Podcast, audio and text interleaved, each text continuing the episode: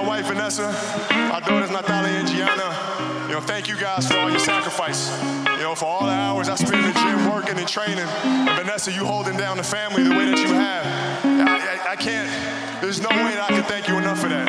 So, yeah, from the bottom of my heart, thank you. And uh, what can I say? Mamba out.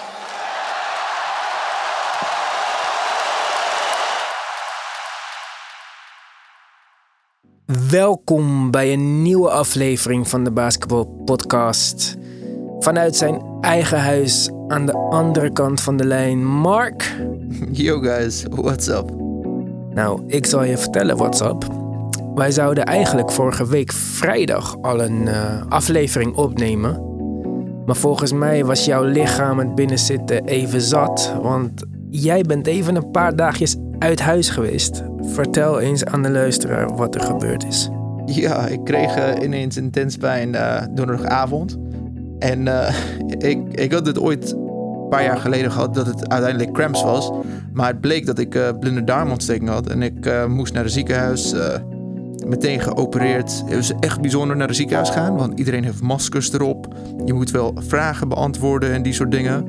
Maar gelukkig was ik clear van alles. En ik, ze hebben mij meteen geopereerd. En eh, ja, geen complicaties tot nu toe. En nu ben ik weer thuis eh, gerust aan het eh, bijkomen. En eindelijk kan ik weer podcast opnemen met jou. Ja, nou ja, ik zei al ook van het weekend, die podcast opnemen hoef je geen zorgen over te maken. Dat is even niet belangrijk op zulke momenten. Maar om in het ziekenhuis te zijn, behalve dat je gewoon pijn hebt en geopereerd moet worden, maar dat je in deze tijden in het ziekenhuis bent, dat lijkt me ook vervelend. Ja, het is echt eh, bijzonder, want de ziekenhuis is letterlijk in twee kanten gedeeld. En eh, ik, in de rij wachten voor, voor, voordat je, ik binnen de ICU kan komen, was echt gewoon, ik, ik dacht het is een horror movie.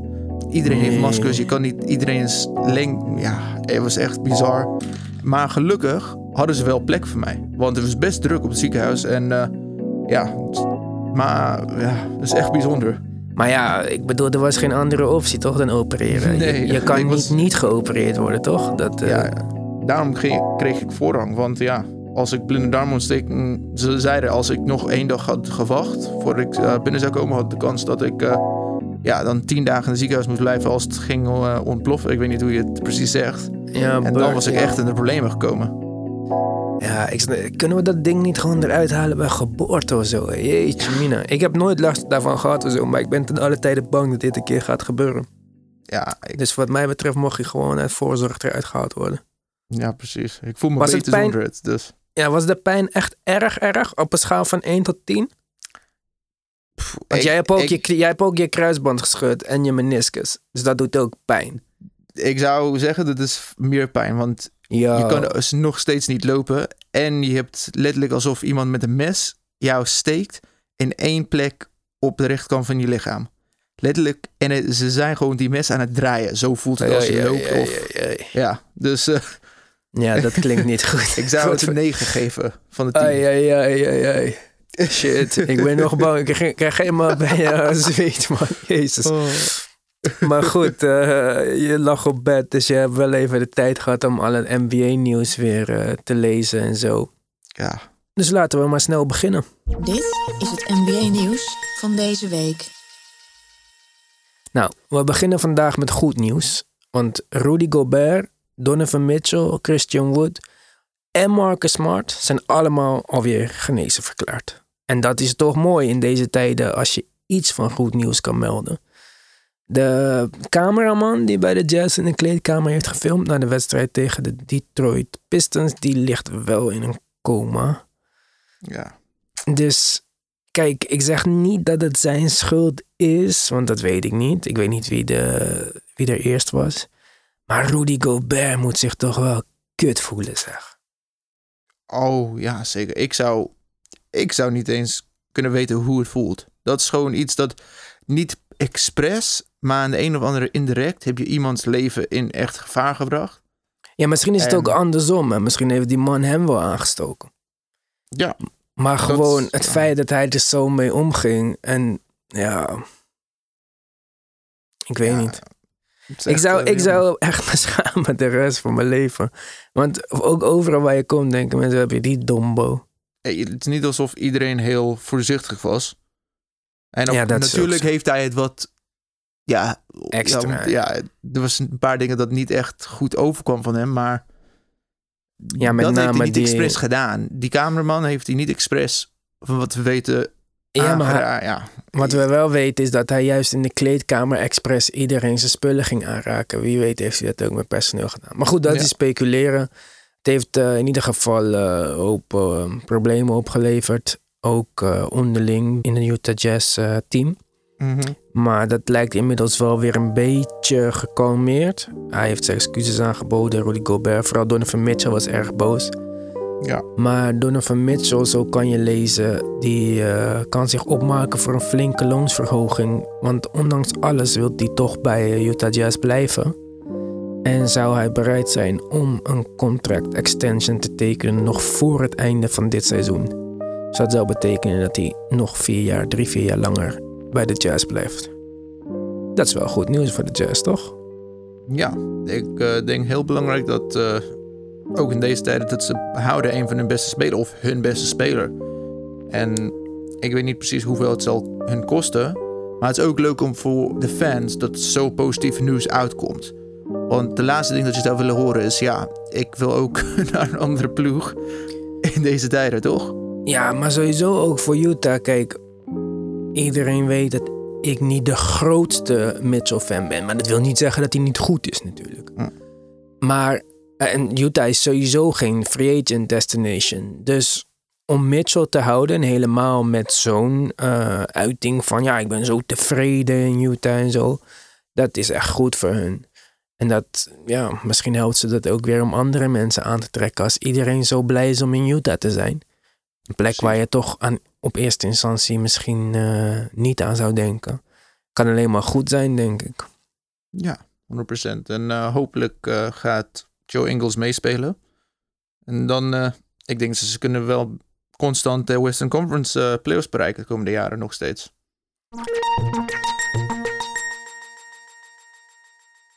Carl Anthony Towns deed de oproep aan iedereen om de situatie nu echt serieus te nemen. Om thuis te blijven, om je geliefde en je familie te beschermen. Iets waar wij in Nederland, zo lijkt het, nog niet echt de noodzaak voor voelen. Mhm. Want hij vertelde dat zijn moeder in een eh, kunstmatig coma is gebracht omdat zij besmet is geraakt met het coronavirus. En ook zijn vader is besmet. Hij was echt emotioneel in zijn eh, toespraak aan zijn fans, zeg maar. Ja, zielig man. En helemaal als je dan andere mensen ziet die het niet serieus nemen. En jij eh, hebt misschien wel de belangrijkste mensen in je leven die eraan lijden. Het is onvoorstelbaar moeilijk hoe, eh, hoe hij zou voelen nu. Ik kan niet eens voorstellen ehm, dat zoiets gewoon ineens kan gebeuren. En je, je kan niet eens naar je ouders gaan, omdat de kans is dat je het ergens zou maken. Het is gewoon verschrikkelijk. Ik kan niet eens denken hoe hij zou voelen. En ik hoop dat alles goed komt, want het is wel een induced coma. Ja. Maar met de statistieken en de leeftijd van zijn ouders. Ik, Ja. ik maak me wel zorgen, eerlijk gezegd. Laten we een positieve gedachte sturen naar hem. Ja. En in Nederland zien we dit eigenlijk niet echt. hè, sterren die zich uitspreken. En ja, het kan aan mij liggen, maar voor mij lijkt het alsof we het eh, allemaal een klein beetje onderschatten hier in Nederland. Of eigenlijk niet een klein beetje, maar een heel veel beetje. Mhm. Maar Ja. denk jij dat wij hier op de een of andere wonderbaarlijke wijze als enige onderuit komen? Want zo lijkt het dat Nederland er nu in staat of zo. Slimme lockdown, eh, alsof wij beter zijn dan iedereen of zo. Kijk, uiteindelijk, daar zijn wel meer dan één manier om uit corona te komen. Dus ik, misschien is het wel moeilijk. In de een of andere manier is het ook een oplossing dat je iedereen laat besmet worden. Ja, maar dat is al bewezen over. dat dat niet zo is. Dat zei Ja. Rutte wel leuk. En dat was een grappig eh, bedacht eh, ding van hem. Maar dat mensen immuun worden, dat is helemaal niet zeker. En ook dat jonge mensen niet eh, vatbaar zouden zijn voor gevolgen van het virus is niet zeker. Want het is niet eens zeker of er blijvende gevolgen zijn aan bijvoorbeeld je longen als je het virus hebt gehad. Hmm. En er zijn al meerdere eh, gevallen op de wereld waarin kerngezonde mensen op eh, intensive care belanden. En ook bloedtypes en zo lijken een rol te spelen in wat de gevolgen zijn als je het dat dan ook krijgt. Maar Ja. Goed, hij, hij kwam er later ook op terug en zei van... eh, ja, dat zei ik niet echt, maar dat zou een gevolg kunnen zijn. Maar goed, fuck dat. Terug naar de NBA. Waar we vorige week nog melden dat de Sixers van plan waren de salarissen van werknemers te korten, zijn ze daar nu alweer op teruggekomen. Eerder werd al duidelijk dat het alleen zou gaan om salarissen boven de 50.000 dollar en leken al niet alle eigenaren het ermee eens te zijn. Bijvoorbeeld die Michael Ruben, die ook al toen Mick Mill met een helikopter naar het Sixers stadion haalde toen hij net uit de gevangenis kwam, reageerde op Twitter dat hij het er niet mee eens was dat de werknemers de dupe zou worden. En waarom? Dat was naar aanleiding van iemand die dacht van oké, Sixers willen niet betalen, dan ga ik alle eh, geschatte vermogens van de eigenaren op het internet zetten. En ja, dan sta je natuurlijk best wel voor als je een paar miljard hebt en je hebt het over werknemers die hun salaris moeten inleveren. Want die Ruben zelf bijvoorbeeld heeft 3 miljard. Nou goed.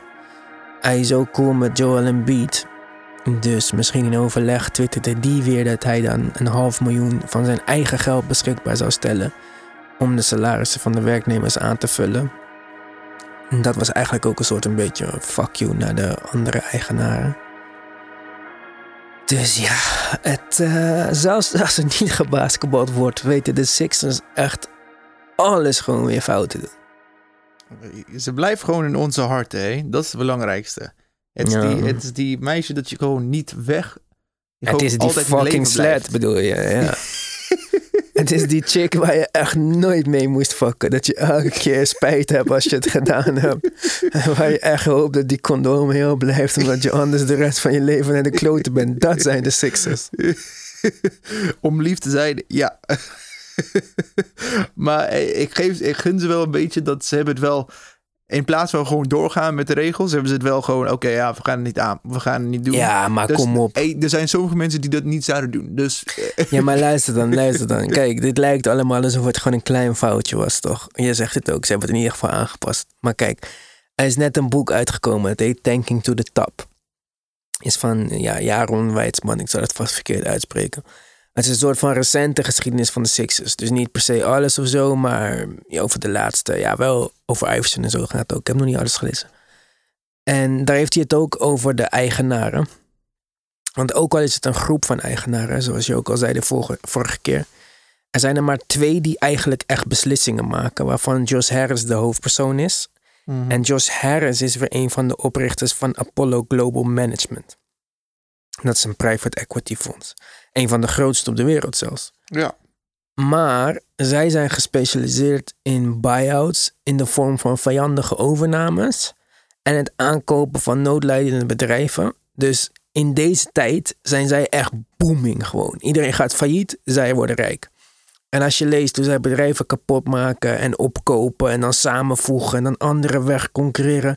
Het is zo fucking ziek dat het gewoon legaal is. Alleen al is, ja, snap ik niet eens. En ik heb het even opgezocht, maar hun stok is dus al met 35% gestegen of zo in de afgelopen week.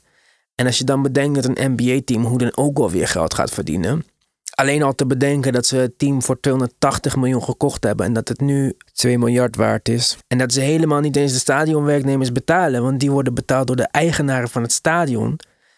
Dan moet je nagaan. Dan vraag jij dus als multimiljardair eigenaar in een tijd waarin iedereen schade leidt, maar jij zowat als enige op de wereld profiteert, aan de mensen die hard aan het werk zijn om jou nog rijker te maken dan dat je al bent, om hun salaris in te leveren. Jeetje mine, hoe slecht kan jij naar voren komen? Ja, wat moet ik zeggen? Ja, het komt gewoon heel slecht over. Ja, maar dat is echt bizar wat en het kost hem zo niks, hè. Maar je, ja, kijk, eh, mensen worden niet zo rijk omdat ze weldoeners zijn of zo, dus ja. Ja. Maar Het- goed, de- ja. Het is een ander deel van de. Het is, het is een andere koek. Want met zoveel geld ben je ook meer. Ja, geld is, geld is altijd belangrijk in veel verschillende manieren. En je, komt je wordt gewoon niet zo rijk. Of niet vaak zo rijk zonder geluk. Daar is een reden daarvoor. Je bent altijd een beetje anders of iets. Niet helemaal kloppend. Daarom ben je gewoon ik eh, weet het allemaal niet. Maar eh, belachelijk. ja, dat zeker. Maar er zijn ook andere eigenaren. Of in ieder geval ander type eigenaren. Want Steve Ballmer, die eerder deze week al even 400 miljoen dollar cash betaalde aan eh, James Dolan. Die overigens eh, trouwens besmet is met het eh, coronavirus. Maar dat hadden jullie al kunnen lezen als jullie onze Instagram volgen. De basketbalpodcast. Lekker. Maar Baumer dus, die doneerde tot nu toe al bijna 25 miljoen dollar om te vechten tegen de uitbraak van het virus en voor het testen van vaccins. En ook dat wist je al als, onze, als je onze Insta in de gaten hebt gehouden. Maar 400 miljoen cash. Kijk, de laatste vijf minuten gaan een beetje over geld. Maar deze mensen, voor hun is 400 miljoen cash gewoon niks. Dat is toch absurd, man. Ja, ik bedoel, voor mij in ieder geval. En misschien zitten er mensen thuis die denken, fuck die shit, man. Dat heb ik ook. Maar jeetje, ik kan me dit niet eens beseffen, man. Ja, het, ik, ik zou niet eens weten hoe 400 miljoen cash zou eruit zien. Maar vertel dan waar, wat hij gekocht heeft. Dus hij, dus hij heeft de LA Forum gekocht. Dat was de oude stadion van de LA Lakers en de LA Kings, eh NHL-team.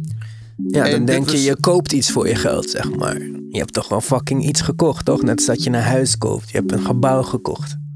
Ja, hij heeft, hij heeft wel de Forum gekocht en dat gaat meestal voor concerts.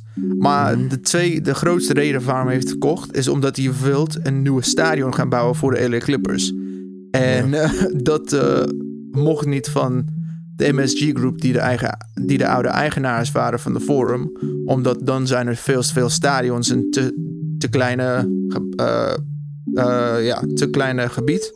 Want de LA Rams zijn ook een hele grote stadion daar aan het bouwen. De SoFi Stadium. Dat wordt het grootste stadion te de alle tijd ooit in de wereld. Of Ja, stadium het is ook een concurrentieding, zeg maar. Ja. Je mag niet zoveel venues in een bepaalde omgeving. Ja. Ja. maar ik vind het toch wel voor als de Lakers het zouden doen, zou ik het een soort van begrijpen. Maar dit is de Clippers. Dit, Deze man heeft scheid, vriend. Hij betaalt 400 miljoen om die shit te slopen... om eindelijk te bouwen wat hij al wou. Het is gewoon een klein kind die niet kan wachten. Die gewoon alles openmaakt.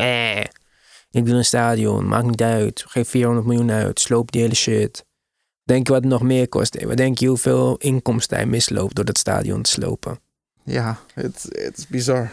Ja, niet normaal. Goed, volgende.